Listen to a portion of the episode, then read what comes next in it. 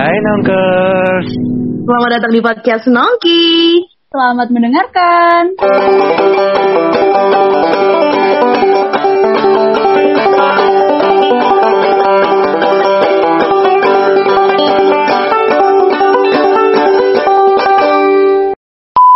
Hai Nongkers, apa kabar?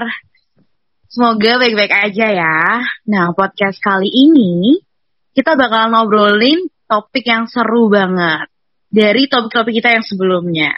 Ada yang tahu Wow. nanti yang apa? Apa tuh? Nanti Kayaknya dulu. menarik nih.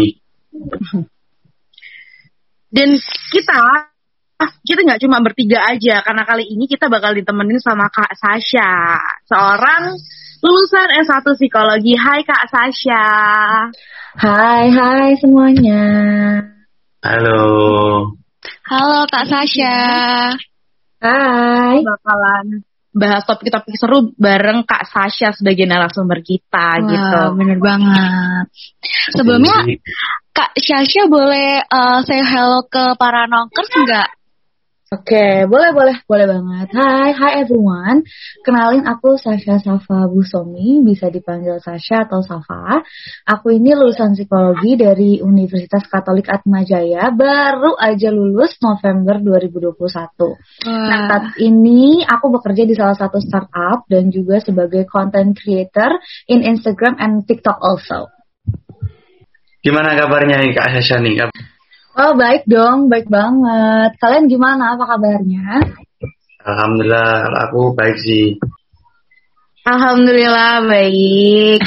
Mbak Sasha sendiri kesibukannya sibuk apa nih? Hmm, belakangan ini kerja, sibuk-sibuk kerja, sibuk juga ngerjain ada salah satu project, eh, projectnya long term gitu, jangka panjang. Jadi memang eh, aku bekerja sama sama heartofpeople.id dan itu adalah yayasan non-profit dari eh, kesehatan mental. Jadi nanti akan ada project, projectnya itu kayak bikin instalasi untuk uh, seni yang mana dibawa ke arah kesehatan mental dan itu bakal seru banget. Uh, belum dibuka untuk umum untuk beberapa bulan, tapi nanti pas tanggal 10 Oktober uh, memperingati Hari Kesehatan Mental Sedunia itu bakalan dibuka untuk umum gitu. Aduh, informasi menarik nih buat para nongkers dari Mbak Sasha nih terkait tadi. Ditunggu ya proyeknya Kak.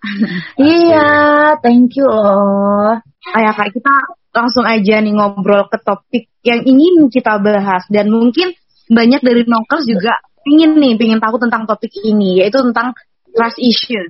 Karena belakangan ini tuh anak-anak muda ya zaman sekarang tuh sering banget kayak aku nggak bisa kayak gini soalnya aku tuh punya trust issue gitu. Itu Hmm. kayak gimana sih sebenarnya Kak? Oke, nah karena ini sebetulnya eh, cukup ini ya, cukup marak di halayak umum mengenai trust issue. Sebetulnya bukan zaman sekarang aja, tapi dari dulu tuh emang udah eh, sering dibahas karena ini topik yang cukup sederhana dan sering sering dialami oleh eh, banyak orang gitu. Nah, eh, kalau ditanya sebenarnya trust issue itu apa sih? Trust issue itu adalah keadaan seseorang yang memiliki ketakutan atau ketidakyakinan untuk mempercayai individu maupun hal yang ia temui dalam kesehariannya. Nah, nah si trust issue itu sebenarnya punya karakteristik nih teman-teman. Kalau menurut Thriveworks ada tiga. Yang pertama, kata kuncinya harus diingat, yaitu takut. Orang yang punya trust issue itu mereka merasa takut. Takut akan dicampakkan atau dikecewakan, takut akan ditinggalkan, dan takut dimanipulasi atau ditipu. Contoh, takut ketika diselingkuhi, takut ketika akan atau ditinggal oleh orang yang penting atau dia sayang, takut Aduh. akan kebohongan, ya, dan masih banyak ketakutan lainnya yang memang mereka alami sebagai orang yang memiliki trust issue gitu. Wah, baru tahu nih aku Kak tentang trust issue. Dijelasin sama Kak Sasha. Tapi emang belakangan ini emang kayak banyak banget gitu loh kak. Aku juga awalnya itu nggak tahu apa itu trust issue gitu kan. Tapi semenjak kayak teman-teman bis kayak sering bilang aku tuh ada trust issue, aku tuh ada trust issue gitu. Dan sekarang itu alhamdulillah udah dijelasin lebih jelasan sama kak. Sasha. Makasih ya kak. Iya, sama-sama. Terus uh, itu tadi kan tentang trust issue itu apa terbelakangnya. Terus trust issue itu bisa nggak sih kak kayak kita itu mendiagnosis diri kita sendiri tuh kayak aku ini ada trust issue loh gitu. Apa harus ke psikolog atau gimana gitu? Oke. Okay. Jadi trust issue itu sebenarnya bukan sebuah gangguan ya tapi adalah sebuah masalah. Gangguan dan masalah berbeda ya. Jadi uh, masalah yang dialami sama orang-orang trust issue sebetulnya karena ada pengalaman gitu kan ya. Kalau di sini kalau kita lihat ya apa sih sebetulnya penyebab dari trust issue? Pertama itu karena punya pengalaman dari masa lalu ataupun masa sekarang yang sudah dialami atau sedang dialami. Jadi kayak setiap individu kan punya pengalaman hidup yang beda ya. Kayak kamu, Rosi, Ardi, Satria, atau Salsa, atau siapa pun itu kan beda-beda pengalaman hidupnya kan. Dan orang-orang yang punya trust issue atau sulit untuk percaya itu bisa aja disebabkan oleh pengalaman masa lalu ataupun dari kecil atau kalau kita bilang uh, mereka punya childhood trauma. Nah, uh, childhood trauma itu ada banyak ya. Mungkin pernah ditinggalkan cara pola asuh orang tua, cara uh, dia memandang atau uh, dibawa ke lingkungan kehidupan pas waktu kecil hingga besarnya kayak gitu. Dan pengalaman buruk yang bisa mempengaruhi mereka atau men-trigger mereka menjadi orang-orang yang susah nih untuk percaya lagi. Karena sebelumnya mereka tuh punya kepercayaan guys bukan berarti kayak orang trust issue dia nggak punya kepercayaan, tapi dia punya percaya kepercayaan dan kepercayaan itu dihapuskan karena si pengalaman itu nggak dihapus secara 100%, tapi mungkin kayak 80% lah ya kita bisa bilang. Jadi 20% tuh mungkin bisa percaya lagi, tapi itu susah. Makanya dibilang trust issue. Mereka sulit untuk percaya gitu. Dan kalau misalnya um, kayak sekarang gitu ya trust issue itu banyak terjadi kalau misalnya orang-orang tuh terlibat akan suatu hubungan percintaan.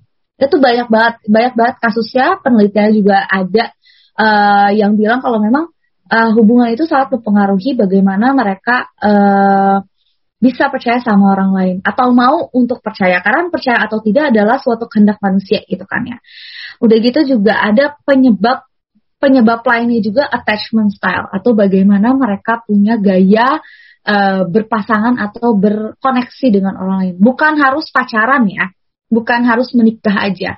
Bisa juga orang tua, kakak beradik, teman. Wah, teman tuh juga teman, iya, teman. Iya.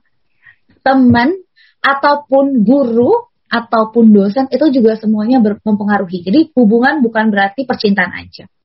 Gitu. Jadi emang banyak ya uh, cirinya, tandanya. Kalau dibilang ini tuh harus gak ya ke psikolog, uh, ngobrol ke psikolog betul, dapat diagnosa kamu dapat uh, trust issue sebetulnya trust issue bukan suatu gangguan tapi masalah. Nah, tapi dari masalah itu bisa menyebabkan gangguan karena uh, dasarnya kan takut ya. Nah, takut itu adalah bawahnya dari si cemas. Oh. Gitu.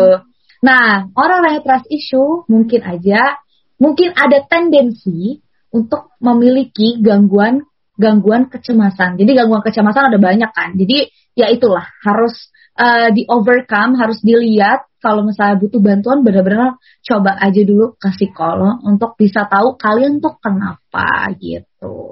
Oh gitu. Sekarang gini kalau kita kan kalau sebagai mahasiswa sendiri kan kita berteman juga nggak nggak dari yang lingkup kita aja gitu. Mbak kadang kita juga berteman dengan uh, lingkup atau lingkungan yang bukan sebenarnya lingkungan kita gitu. Banyak banyak opsi ya banyak teman-teman kita yang dari daerah ini dari daerah ini. Kadang juga kita juga agak was-was gitu. Untuk menghindari itu sendiri ataupun supaya kita bisa membangun kepercayaan satu sama lain bareng teman kita bareng dari yang lingkup-lingkup lain gitu bagaimana sih cara kita membangun kepercayaan itu mbak Oke, okay, uh, eh, gini sih. Karena sebelum kita membangun kepercayaan harus tahu dulu nih, kamu trust issue-nya itu seperti apa. Karena ciri dari trust issue itu banyak banget, banyak pol. Kayak um, yang pertama, mereka itu pasti kayak takut gitu, takut untuk dikecewakan yang aku bilang tadi. Dan orang-orang yang trust issue itu pasti selalu berantisipasi, selalu berhati-hati. Makanya mereka punya tendensi untuk uh, apa ya bahasanya tuh avoiding the connection atau avoiding the relationship atau dia menolak adanya komitmen kayak sekarang kan orang-orang susah untuk berkomitmen karena mereka punya uh, punya atau kesulitan dalam uh, memberikan kepercayaan sama orang-orang yang ada di sekitarnya kayak gitu dan biasanya orang-orang yang trust issue ini permasalahannya itu muter muter di mana muter uh, selalu selalu ini kayak selalu was-was sama banyak hal Padahal belum tentu terjadi kayak gitu. Padahal belum tentu orang itu akan jahat. Jadi kalau dibilang gimana ya, um, untuk memastikan atau untuk menumbuhkan rasa kepercayaan. Balik lagi kepercayaan itu adalah sesuatu yang perlu kita ketahui bahwa itu pilihan.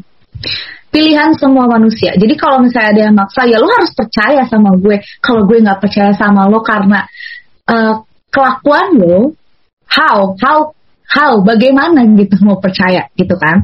Jadi kalau misalnya pertama deh, pertama manusia itu kalau mau percaya atau mau overcome the trust issue itu harus bisa memproses. Itu hal pertamanya.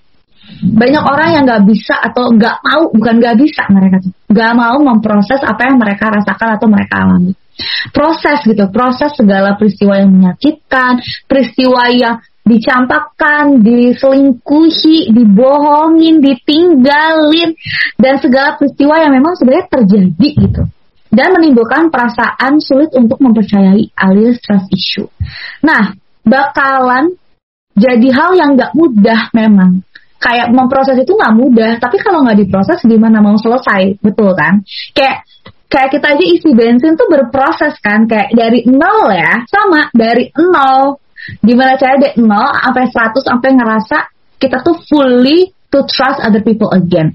Dan ada satu kalimat, ini ada kalimat spesial sebenarnya buat teman-teman. Kalimat ini dari uh, Berkens, dia salah satu peneliti. Dia bilang gini, uh, awareness that trust issue are present is an important first step.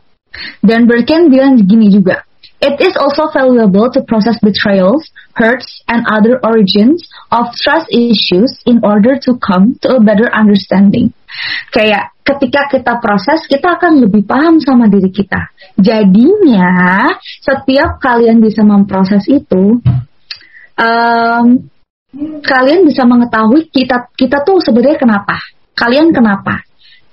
Dan overcome itu nggak perlu kita Gak harus sih, gak harus kita ngobrol sama siapa pun, tapi bisa juga melalui buku, bisa journaling dan hal lainnya. Dan yang kedua, ini panjang banget ya, tapi ini seru. Dan yang kedua, ini makin challenging. Setelah udah proses, apa sih yang harus dilakuin? Yang dilakuin adalah taking risk atau menerima konsekuensi. Di dunia ini kita hidup di dunia yang berantakan kita tahu kita harus mengambil resiko bahwa dunia ini adalah dunia yang berantakan. Menerima konsekuensi ketika memang berhadapan dan berhubungan dengan manusia, karena manusia beda-beda.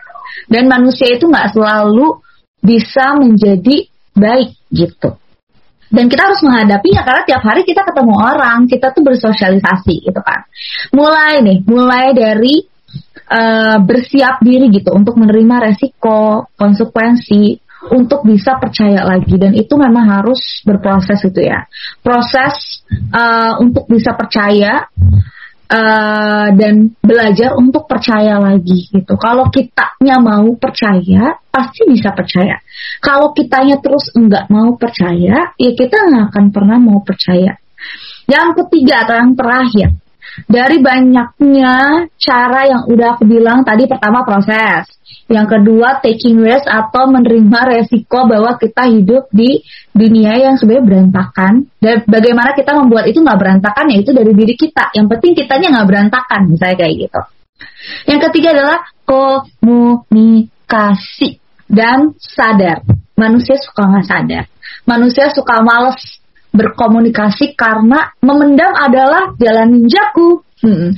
Padahal itu sesuatu yang tidak tidak patut dicontoh ya gitu. Komunikasi sama orang terdekat. Kalau punya pacar coba komunikasikan.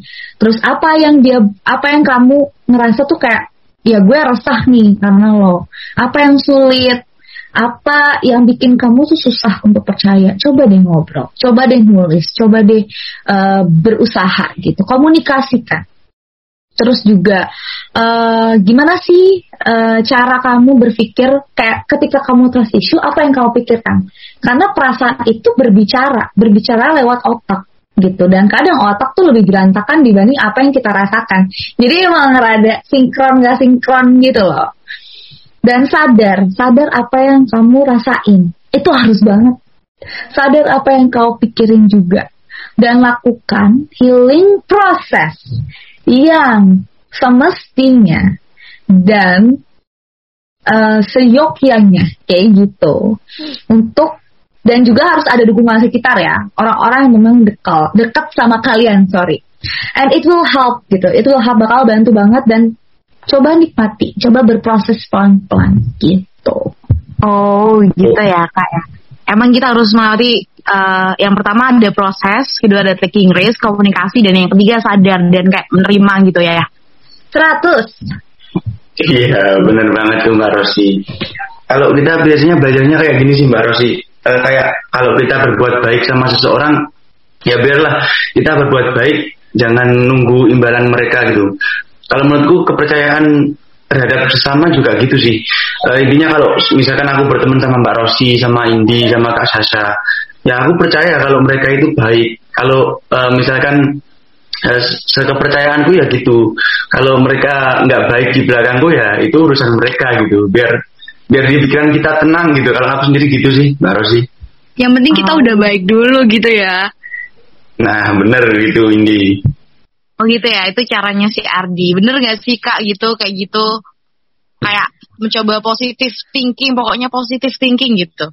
Hmm, kalau dibilang bener, bener-bener aja. Karena kan itu bagaimana kamu cara kamu berpikir. Cuman kan dari podcast ini yang jadi uh, fokus utama adalah orang-orang yang memang kesulitan untuk bisa percaya.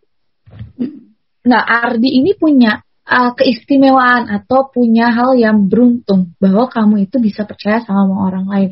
Tapi kalau kamu ketemu sama orang yang sulit untuk percaya, coba untuk mengerti kenapa mereka nggak bisa percaya sama orang itu. Kenapa mereka bisa sampai nggak percaya? Berarti ada sesuatu yang terjadi di belakang. Dan itu harus dihargai juga. Jadi nggak bisa semudah semudah apa yang kamu rasakan karena kalau aku lihat kamu tuh mudah untuk percaya dan kamu mudah untuk mengerti bahwa ada orang yang ibaratnya bisa munafik loh sama gue. Waduh. Yes, ad, ya ada orang yang nggak nggak nggak bisa menerima kalau orang bohong. Jujur, aku nggak bisa menerima orang bohong. Aku setiap ada orang bohong, aku akan marah. Kenapa? Why? Bukan masalah trust issue-nya, karena that's my principle. Uh, kenapa sih orang bisa bohong? Tapi bohong itu adalah suatu proses dan itu perlu dihargai juga. Jadi uh, hidup ini sebenarnya untuk saling menghargai aja sih. Ya, kayak kalau dibilang kata tadi Indi bilang kayak oh ya udah yang penting kitanya udah kita, baik itu betul banget. Uh -uh. Itu betul banget. Yang penting kita baik dulu. Tapi ada orang, tau nggak? Ada orang yang trust issue, dia malah memilih untuk tidak baik dengan orang agar dia tidak disakiti. Oh, kenapa kak? Kenapa? Karena itu cara dia untuk melindungi dirinya. Oh. Ya, jadi kalau ada hmm. orang yang kamu pikir kayak, kok ini orang jutek banget sih? Kok ini orang nggak bisa banget sih deket sama orang cepet? Coba kamu telah, kenapa dia kayak gitu? Sebelum kita ngejudge orang, coba kita telusuri terlebih dahulu. Karena apa? Karena orang tuh ada dasar yang nggak nggak melulu itu adalah kepribadian. Mungkin aja itu bukan kepribadian, itu sifat yang di yang dia tanamkan karena lingkungan sekitarnya. Karena pada dasarnya semua manusia adalah orang baik. Itu pada dasarnya.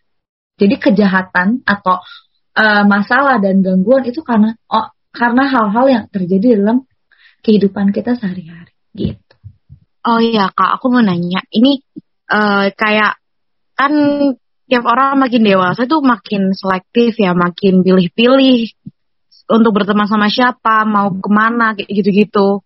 Itu kan kadang juga disebabkan juga karena kayak cemas gitu. Kalau aku berteman sama dia nanti bakalan gini, terus aku kalau main ke sana lebih baik kayak gini, gini, gini. Itu namanya kekhawatiran biasa apa juga bisa disebut sebagai trust issues, Kak? Itu adalah proses perkembangan kamu sebagai manusia, sebagai orang dewasa. Jadi kalau yang aku pelajari, manusia dewasa itu memiliki uh, ciri-ciri ya orang-orang yang mulai beranjak dewasa, dewasa muda deh. Dia itu makin sibuk ya. Kita kan kuliah, habis kuliah mungkin kerja, ada yang menikah, ada yang berusaha untuk sekolah lagi, kesibukan kan. Terus kau bilang, iya jadinya selektif nih jadi pilih pilih orang mana yang bisa deket sama kita. Kenapa? Karena kita punya hidup yang lebih spesifik lagi. Kayak ada orang yang memilih untuk menikah setelah kuliah. Ada yang saat kuliah memilih menikah. Ada yang saat kuliah memilih bekerja. Dan gak semua orang bisa mengerti kita. Makanya kita itu selektif sama siapa yang dekat sama kita kalau kita deket sama orang yang nggak satu, ibaratnya nggak satu frekuensi sama kita, terus kita mau curhat, kita mau cerita keseharian kita, apakah dia akan mengerti 100%? Belum tentu. Yang mengalami sama mengalami ataupun setidaknya mirip lah. Yang dewasanya barengan lah misalnya. Karena dewasa itu bukan umur ya, tapi bagaimana cara mereka berpikir, jalan pikir, pikir ya gitu. Kalau yang sama pun kadang bisa di posisi kita atau merasakan diri kita bisa juga enggak. Jadi apalagi yang beda banget gitu. Jadi uh, itulah kenapa selektif itu pasti karena adanya kebutuhan hidup. Karena adanya uh, pendewasaan tahu nih, oh aku tuh suka loh kalau punya teman-teman yang seperti ini jadinya bisa mendukung masa depan aku.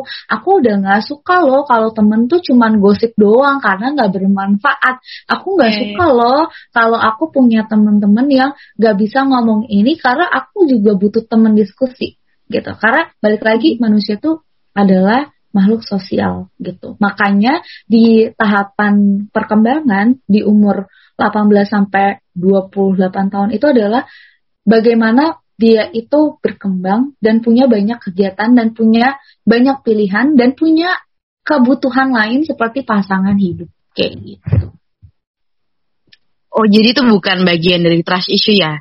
Jadi no. lebih ke lebih ke pemenuhan kebutuhan kita aja gitu. Iya, nah itu jadi uh, yang ada di intinya trust issue itu adalah ketakutan. Kalau kamu memilih uh, pertemanan tanpa rasa takut, itu adalah kebutuhan. Tapi kalau kamu takut berteman, itu mungkin takut berteman karena iya aku takut karena aku pernah ditinggalin, jadi aku takut ditinggalin lagi atau namanya fear of abandonment.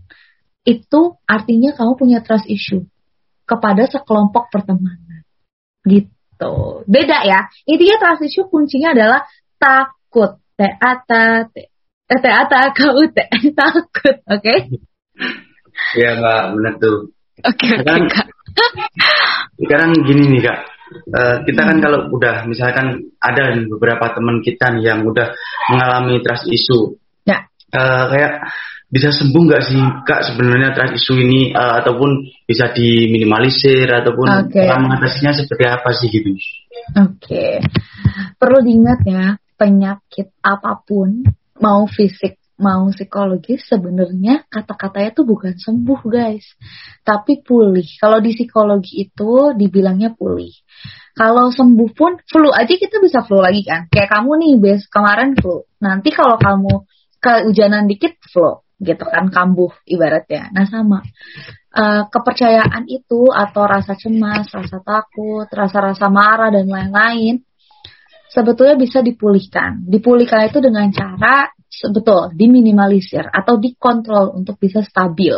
Sama kayak kita menjaga tubuh kita, kayak gitu. Kalau dibilang bisa, bisa, bisa untuk dipulihkan, untuk bisa percaya lagi ya tadi. How to overcome yang tadi aku bilang, coba diproses, terus juga coba untuk uh, taking risk tahu gitu caranya untuk menerima resiko karena penerimaan itu sesuatu yang um, nggak gampang. Lalu yang terakhir adalah adalah mengkomunikasikan ke orang-orang sekitar. Kalau nggak dikomunikasiin, terus orang orang kena imbasnya atau kena takutnya, terus kayak bingung, jadinya nggak selesai-selesai kan. Oh ya kak, tadi itu kan kakak udah bilang tentang caranya ya. Iya. Nah, misal ini kita kita sebagai orang yang sekitarnya, terus apa sih Iya. peran kita bisa kita kasih gitu buat ngebantu dia menyelesaikan trust issue-nya? Yang pertama dengerin kalau dia mau cerita. Yang kedua jangan maksa kalau misalnya dia masih nggak mau. Yang ketiga beri dukungan secukupnya dengan cara afirmasi kata-kata yang mungkin bisa menenangkannya. Karena tapi nggak semua orang ya bisa dikasih Hmm. afirmasi. Jadi coba dilihat dulu teman kamu tipikal seperti apa. Lalu kamu mungkin bisa tunjukkan cara-cara kayak ya kalau untuk mempercaya orang itu seperti apa. Kayak sekarang kamu udah tahu kan, mungkin aja teman kamu itu ternyata nggak suka memproses perasaannya. Coba deh, sering-sering nanya. Lo gimana hari ini? Apa yang lo rasain? Kalau dia ngerasa takut, oke lo ngerasa takut. Takutnya itu karena apa? Lo mau cerita nggak? Misalnya kayak gitu. Jadi coba untuk dikasih perhatian lebih. Kalau kamu ngerasa, sumpah deh, gue nggak sanggup kayak begini gitu. Iya, jangan dipaksain juga untuk kamu eh ibaratnya berusaha berlebihan untuk teman kamu karena apa? Daripada hubungannya rusak hanya karena kamu berusaha, ya daripada rusak ya biarkan dia itu siap untuk bisa memproses ya. Karena gak ada ya kalau dalam hubungan apa pun kayak nggak kok dia bisa berubah. Kalau orangnya nggak mau berubah kalau orangnya nggak mau berusaha orangnya nggak mau memproses trust isunya atau permasalahan atau gangguan lainnya itu tidak akan pernah terjadi perubahan apa pun. Gitu. Kak, kalau emangnya kalau misal ini ada teman kita yang punya trust issue itu apakah kita sebagai orang lain tuh bisa ngelihat gitu kayak Hmm. oh dia ada trust issue ternyata karena Tanpa trust dia issue bercerita. Oke, tanpa dia bercerita, coba lihat polanya. Balik lagi kalau dia satu. Misalnya nih, contoh, ada orang yang punya temen sedikit gitu. Terus kenapa ya dia temennya tuh cuma dua biji misalnya, cuma dua orang misalnya gitu. Terus kamu lihat, kenapa ya? Coba dilihat apakah dia humble nggak ya sama orang lain, gampang bergaul gak? Kalau enggak, dilihat lagi apakah itu adalah suatu kepribadian dia atau ternyata dia aja terbuka sama orang lain susah. Terus dia nggak mau cerita, nggak mau apa, mungkin bisa aja trust issue. Tapi kita tidak bisa mengasumsikan kalau dia trust issue. Kecuali kamu sudah melihat atau dia sudah mengumandangkan bahwa, iya gue memilih untuk tidak banyak eh, membuka diri kepada orang lain.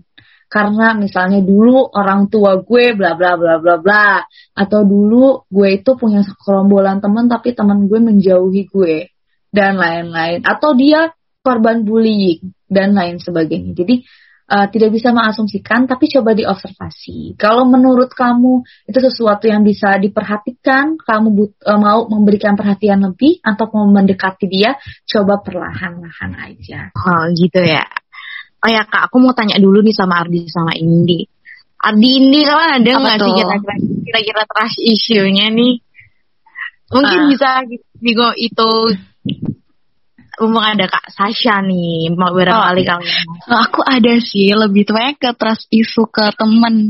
Karena bener banget kata kak Sasa tadi tuh eh umur-umur segini tuh kayak apa ya gampang kita tuh kadang tuh bisa apa kayak ditusuk dari belakang gitu loh kak. Nah biasanya tuh apa ya teman-teman yang kayak gitu tuh bikin kayak duh aku udah percaya lo sama kamu kok kamunya tuh nusuk aku dari belakang kok kamunya gini ak- eh, giniin aku dari belakang nah itu termasuk trust isu kan ya kak ya Hmm, aku balikin lagi coba ke kamu. Kalau aku boleh tanya, sekarang perasaan kamu ketika berteman apa yang kamu rasakan? Apakah ada perubahan? Apakah misalnya, oke aku eh, aku biasanya tuh sering kok cerita, sering kok curhat. Sekarang mungkin ada perubahan apa atau gimana?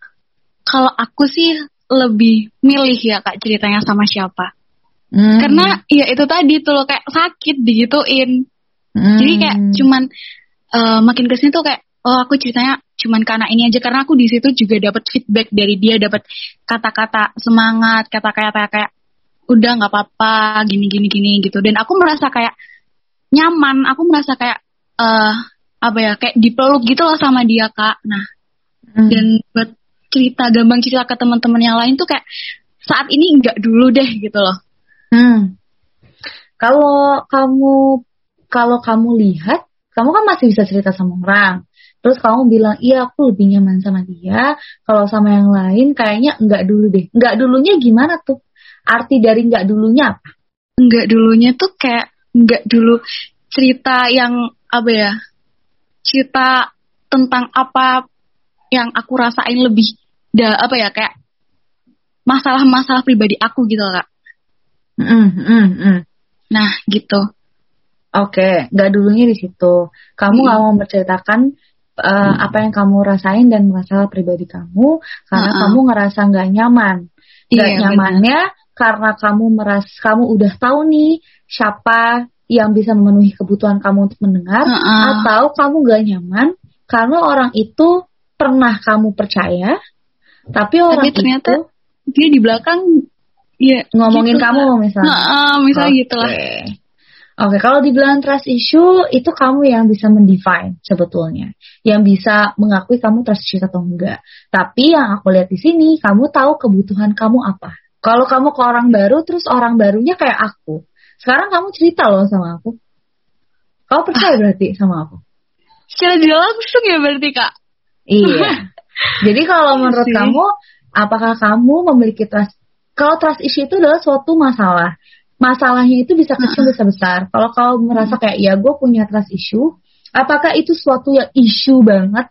Karena kalau udah dibilang issue atau kayak misalnya anger issue, uh, mental issue, anxious issue, itu berarti sesuatu yang udah besar banget yang kayak kamu aja nih mungkin mostly orang yang paling nggak nggak akan cerita duluan misalnya. Atau gimana lah intinya yang kayak nggak mau paling menonjol karena kamu nggak merasa bahwa aku adalah orang yang bisa dipercaya secara langsung. Apalagi nih podcast loh yang bakal didengarin sama orang lain yang mana bukan aku doang dan teman-teman yang ada di sini.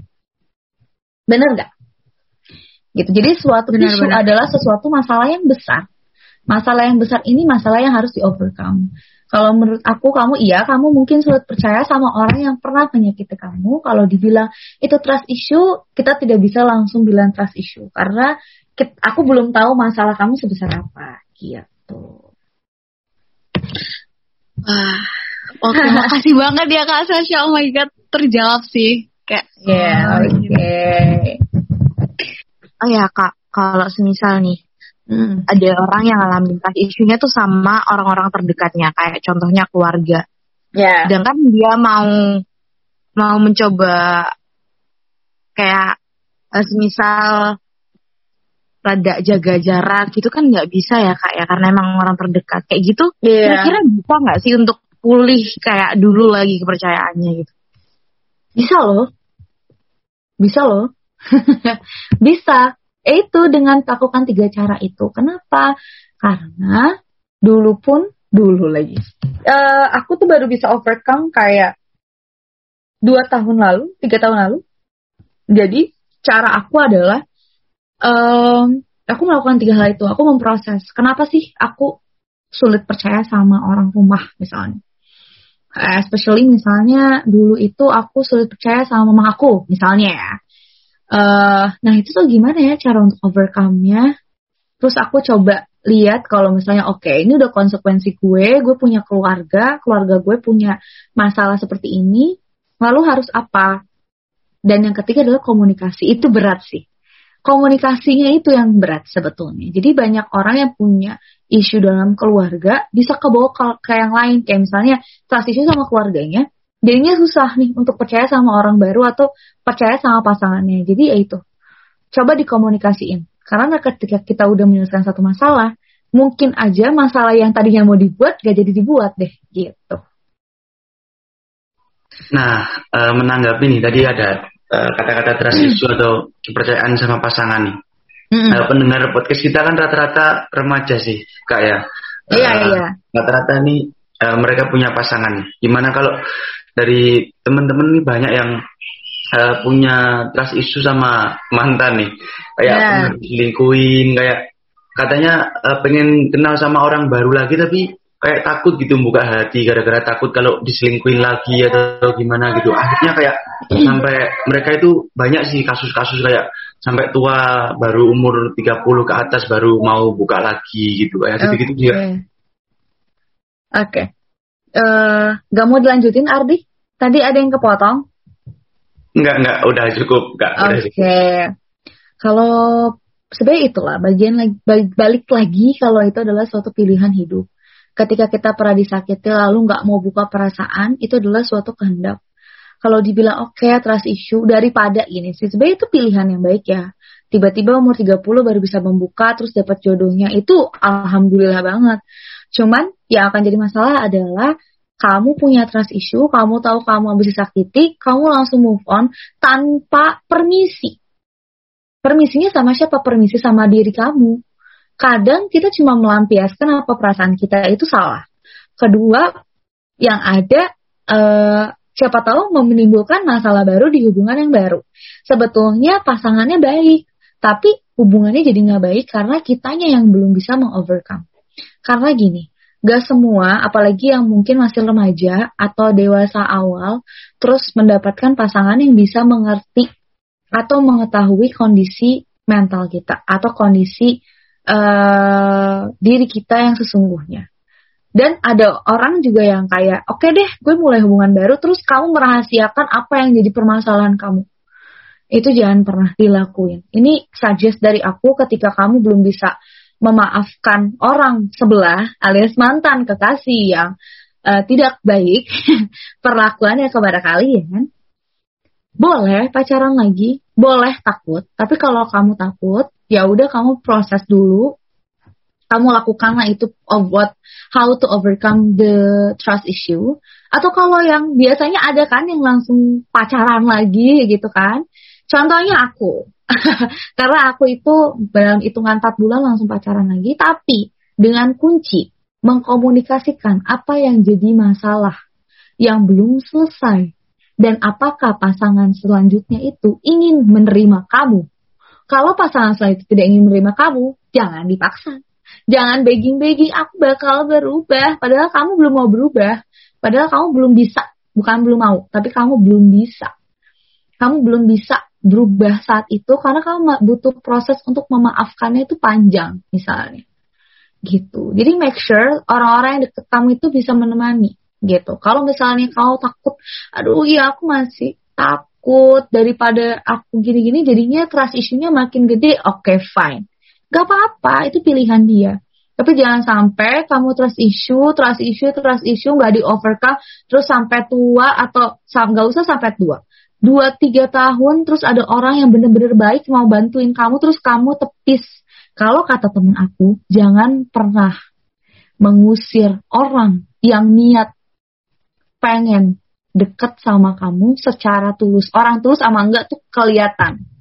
Kecuali kamu bener-bener gak bisa bedain ya. Gitu. Orang tulus sama enggak tulus tuh kelihatan. Jadi ya, jangan pernah ngusir orang lain. Gitu. Karena itu rezeki kamu. Gitu. Nah, kalau ini ada program director kita juga mau nanya nih tentang hat, dari hatinya paling dalam. Boleh ya, Kak ya?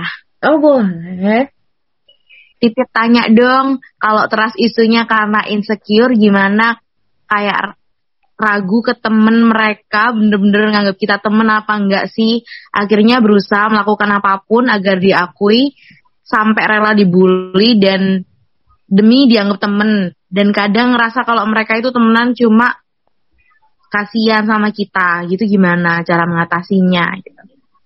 Jadi awalnya itu insecure pak, gara-gara insecure, terus dia ngelakuin apa pun, bahkan rela dibully demi dianggap temen gitu. Itu kayak gimana? Insecure itu definisinya berbeda ya sama trust issue. Jadi coba sebelum kita menstate diri kita itu kenapa, coba research dulu, hati-hati loh. Oke, okay. mungkin kalau yang aku lihat dia merasa ingin memantaskan diri di lingkungan pertemanannya. Tapi balik lagi, Apa landasannya kamu ingin dibully? Membiarkan diri untuk dibully itu landasannya apa? Gitu. Terus kalau misalnya kamu merasa nggak yakin nih teman ini tuh sebetulnya baik gak ya sama aku? Kalau ngebully baik gak sih? Coba dijawab untuk Ardi, Rosi, dan Indi. Wah, Nggak yang enggak dong, Kak. Uh-uh. Nggak baik sih, meski seru tapi nggak baik sih buat yang dibully. Oke. Apakah suatu pertemanan itu harus terjadi eh dibuat-buat? Tidak, nggak nggak seharusnya kayak gitu. Oke. Kalau ditanya gimana ya, Kak? Apakah dia baik atau tidak kamu yang menilai sendiri Ihsan. Betul namanya Ihsan? Kamu yang bisa menilai sendiri. Kalau kamu gini, ketika kamu sudah dalam keadaan yang kayak aduh gue sedih banget nih dalam lingkungan ini, aduh gue tersiksa nih, aduh gue merasa pusing, aduh gue merasa di eh, diolok-olok terus. Apakah itu lingkungan yang baik atau tidak? Kamu udah bisa menilai, kamu sudah punya jawabannya, tapi kamu belum mau pergi. Apa betul Ihsan kamu belum mau pergi? Nanti dijawab melalui Rosi ya. Oh iya, oh ini aja, oh iya betul Ihsan. Ihsan, aduh, untuk pergi susah memang. Untuk pergi dari lingkungan yang menurut kamu kamu sayang, padahal orang itu belum tentu sayang sama kamu. Coba dipikirkan lagi, karena sebetulnya bukan kamu yang salah, bukan kamu yang belum bisa baik, tapi belum, tapi mungkin aja mereka yang belum bisa baik. Jadi ya mungkin kamu bisa menemukan cara-cara tertentu untuk bisa memilih pertemanan yang lebih sehat lagi. Gitu. Ngerasa kesepian. Oke, masalahnya panjang ya. Oke. Kalau kamu ngerasa kesepian, coba dilihat lagi kesepiannya karena apa. Jangan sampai kamu ngerasa kesepian tapi kamu in- ingin disiksa oleh orang lain kak, biar ada orang lain. Biar ada yang kesannya menemani padahal nggak ditemenin. Apakah mereka menemani kamu? Belum tentu. Gitu. Emang harus kadang harus dicolek sedikit ya orang-orang yang merasa nggak apa-apa aku disakiti ora opo nggak bisa. Nggak iso ya, nggak iso. Iya, Ini kita manusia perlu dihargai ya. Nanti kamu menyesal, betul deh menyesal. Oke.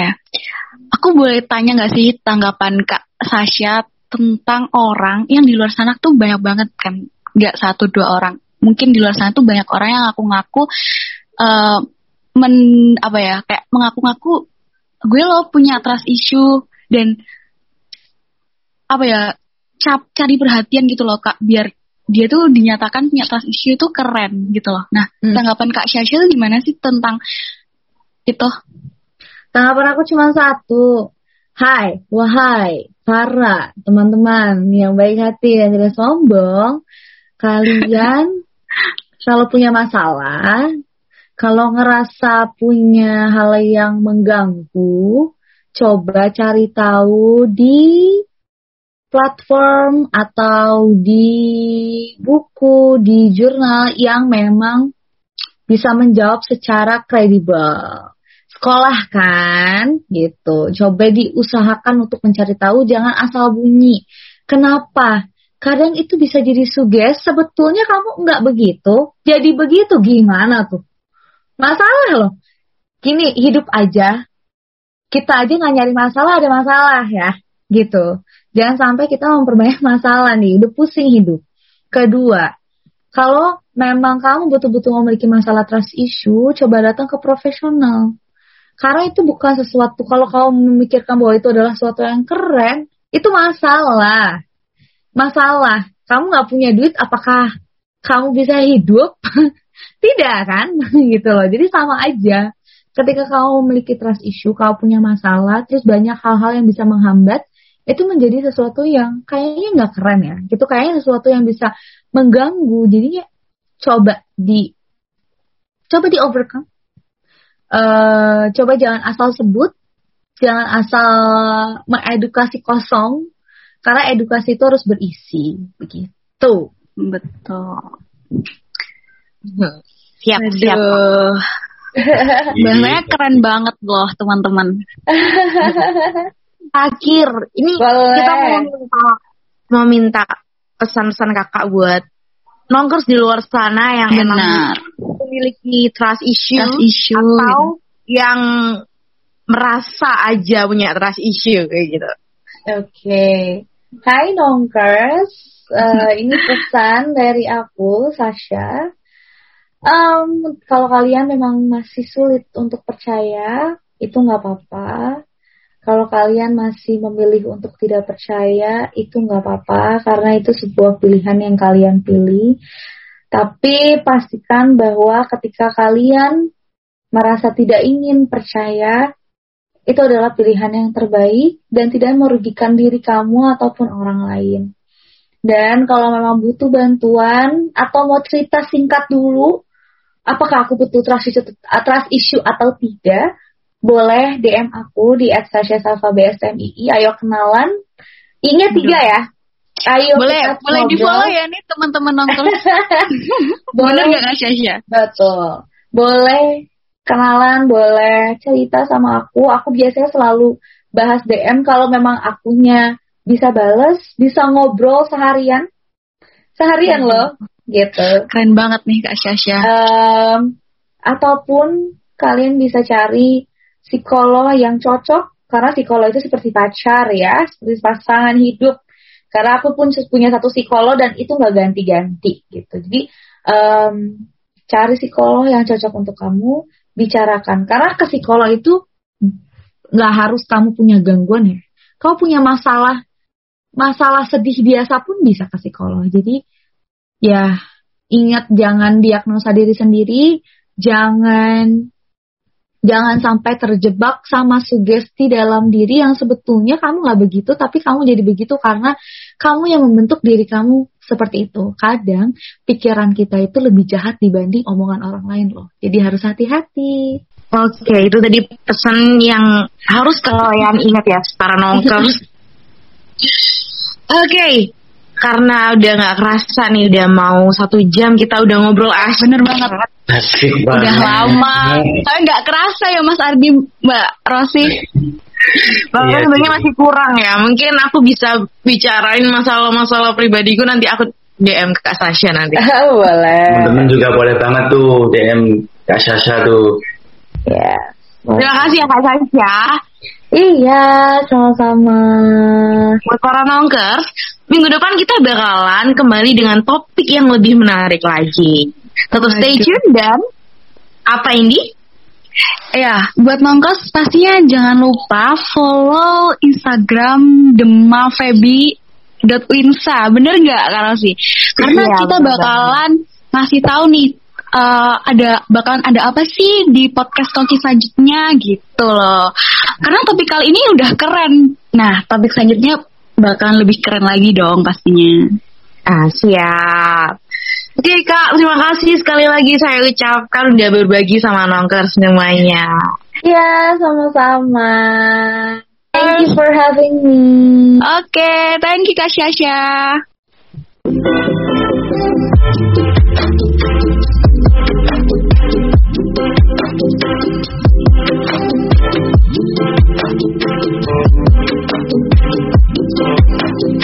you.